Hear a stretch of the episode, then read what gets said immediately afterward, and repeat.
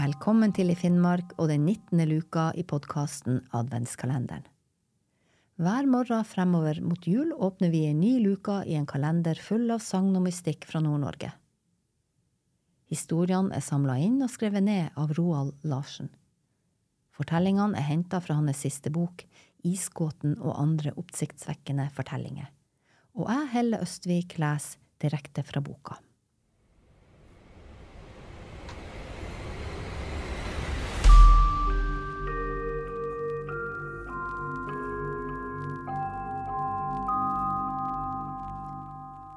Åpner den 19. luka med historien Liv og røre, men ingen å se. Det her handler om merkelige hendelser som skjedde utafor Kautokeino, to år etter hverandre, i 21 og 22. Om høsten i 2021 var to menn og tre kvinner på tur ute i skogen. De hogde, sagde og kvista ved av bjørk. De hadde med seg lavvo, der de kokte kaffe, lagde mat og slappa av når de tok pauser. Dette området de var i, ligger rundt fem kilometer fra Kautokeino. De to mannfolkene, Eigin og Kvive, hogde trærne, mens kvinnfolkene, Maja, Biret og Elle, kvista dem. De her fjellbjørkene er ikke så veldig store, og kan bli i gjennomsnitt to og en halv meter høy men de er veldig tett, og de brenner godt og lenge. Denne veden brukte de både i lavvoen og i huset.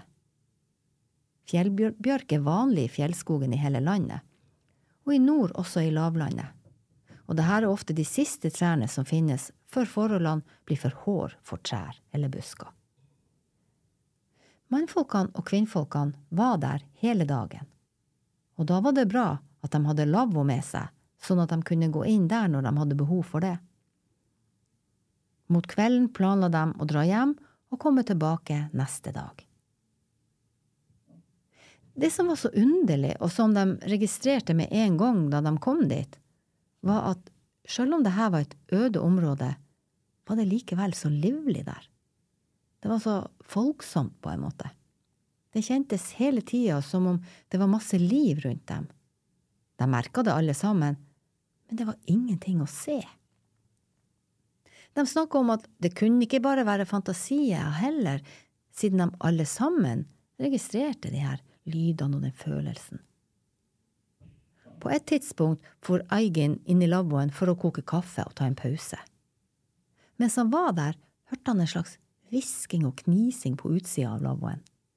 Det var akkurat som om det var jentunger der som befant seg der. Aigen tenkte at det kanskje kunne være Maja, Biret og Elle som hadde det litt artig, men det som var rart, var at de i utgangspunktet skulle være så langt unna at det ikke var mulig å høre dem. Men kanskje, trodde han, hadde kvinnfolkene tatt seg en pause og hadde tenkt seg en tur inn i lavvoen. Så han ropte i tur og orden navnene deres, men det kom ikke noe svar tilbake. Like fullt var kniselyden der fortsatt. Litt seinere hørte Eigen at nå kom det flere folk igjen, og ut fra stemmene deres gjenkjente han dem. Kvive, Maja og Biret kom inn og satte seg ned i lavvoen. Elle kom etter en stund, fordi hun hadde syntes at de underlige lydene som alle hørte, hadde tiltatt mens hun var på vei mot lavvoen, og hun hadde stoppa opp for å lytte. Da hun kom inn i lavvoen, sa hun det er noe merkelig det jeg har opplevd. Hva er det? spurte Eigen. Jo, det var akkurat som det var masse folk her på veien, og de var rundt meg hele tida, sa hun. Elle fortalte at mens hun hadde stått og undra seg over det, hørte hun plutselig til sin store overraskelse at det kom en trebåt roende. Hun hørte deretter at båten kjørte rett på land, at noen la inn årene, og at farkosten ble trukket et stykke oppover sanda. Men saken var at det ikke var noe vann der. Det var bare tørre marker. Det er riktignok litt myr der, men ikke noe innsjø, sa Elle. De tok til å snakke om det og syntes det var veldig rart. Elle sa at hun likevel ikke ble noe særlig redd, fordi atmosfæren for det meste var god og stemningsfull. Neste dag skulle arbeidsfolkene dra opp dit igjen. Eigen gikk først dit opp og merka straks den samme stemninga som dagen i forveien. Han sansa folk og dyr som han ikke så, men de skapte forunderlig nok en lystighet som gjorde at han ikke ble skremt. Eigen hadde allerede begynt å hogge og kveste da søstera hans Biret kom, og mens de sto der og jobba, hørte de en bekk som klukka harmonisk, rundt sånn tre meter unna dem. Det var akkurat som om bekken hilste de to som hogde kvister og sagde. Men her var det noe som ikke stemte, for det var ingen bekk å se. Da resten av folkene kom, stoppa de to søsknene å arbeide og tok til å prate med dem. «Eh, kjenner dere at det er akkurat som om det er mye folk her, sa Eigen. De andre nikka og sa seg enig i det. De fortsatte å jobbe og hørte hvisking og lavmælte stemmer, men ingen kunne nøyaktig helt si hvor lydene kom fra.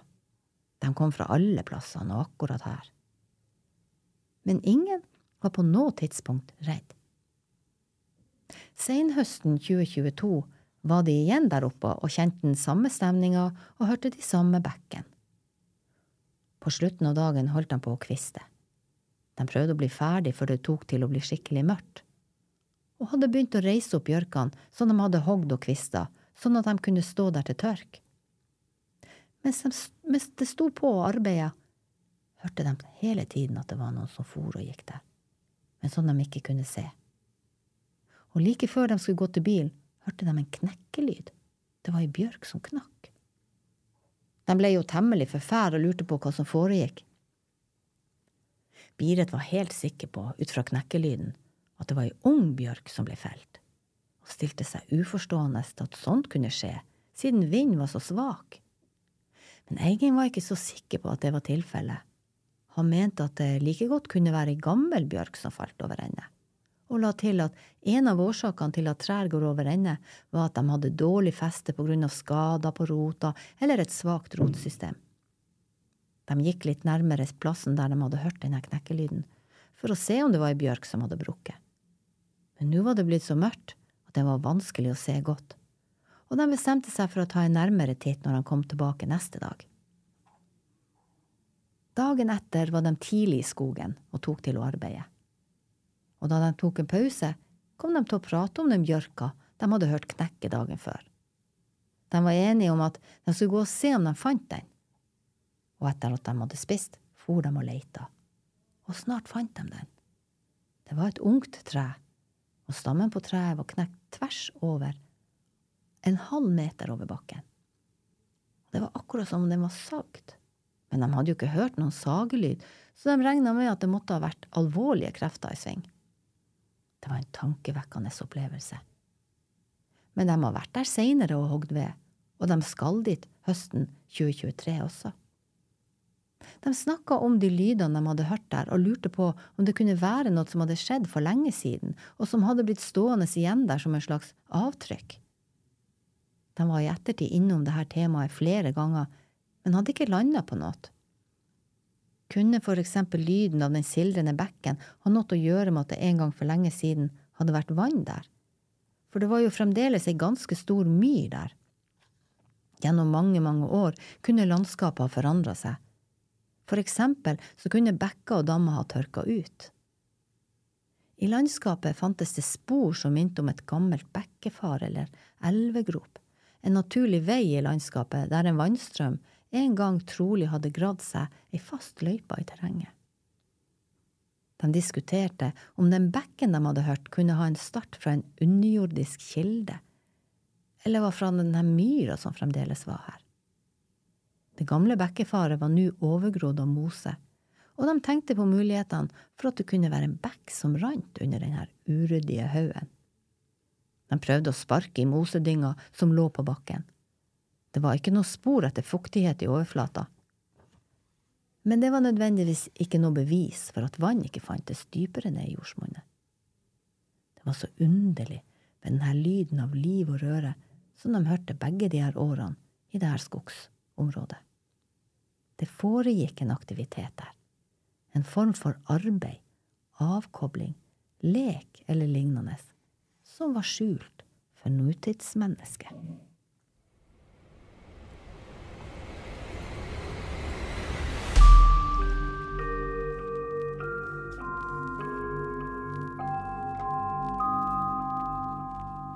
Det her var 19. luka i I Finnmarks podkast Adventskalenderen. Mitt navn er Helle Østvik, og jeg har lest historien Liv og røre, men ingen å se. Fra Roald Larsens siste bok Isgåten, utgitt av Arktisk Forlag.